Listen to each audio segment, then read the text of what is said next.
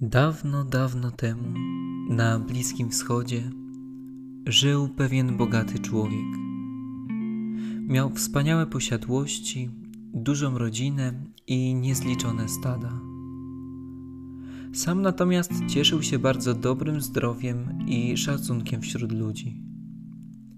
Niestety pewnego dnia został napadnięty przez zbójców, którzy ukradli mu wszystkie zwierzęta. Na dzieci natomiast zawalił się dom, w wyniku czego wszystkie zginęły.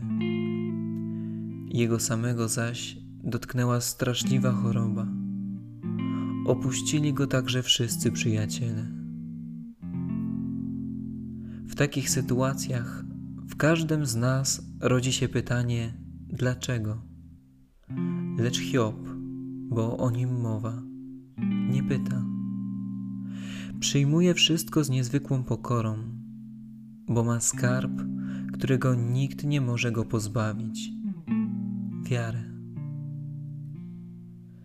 Każdy z nas jest w pewnym sensie Hiobem. Starasz się dobrze żyć, pomagasz innym, jesteś sprawiedliwy. Co więcej, zachowujesz przykazania, chodzisz do kościoła, modlisz się. A mimo to los cię nie oszczędza. Być może w ostatnim czasie straciłeś kogoś bliskiego, zachorowałeś na poważną chorobę, lub Twoja praca wisi na włosku. A może masz inne problemy? Kryzys w małżeństwie, trudności z wychowywaniem dzieci, brak pieniędzy na spłacenie raty kredytu, czy poczucie bezsensu, które towarzyszy Ci już od tak dawna.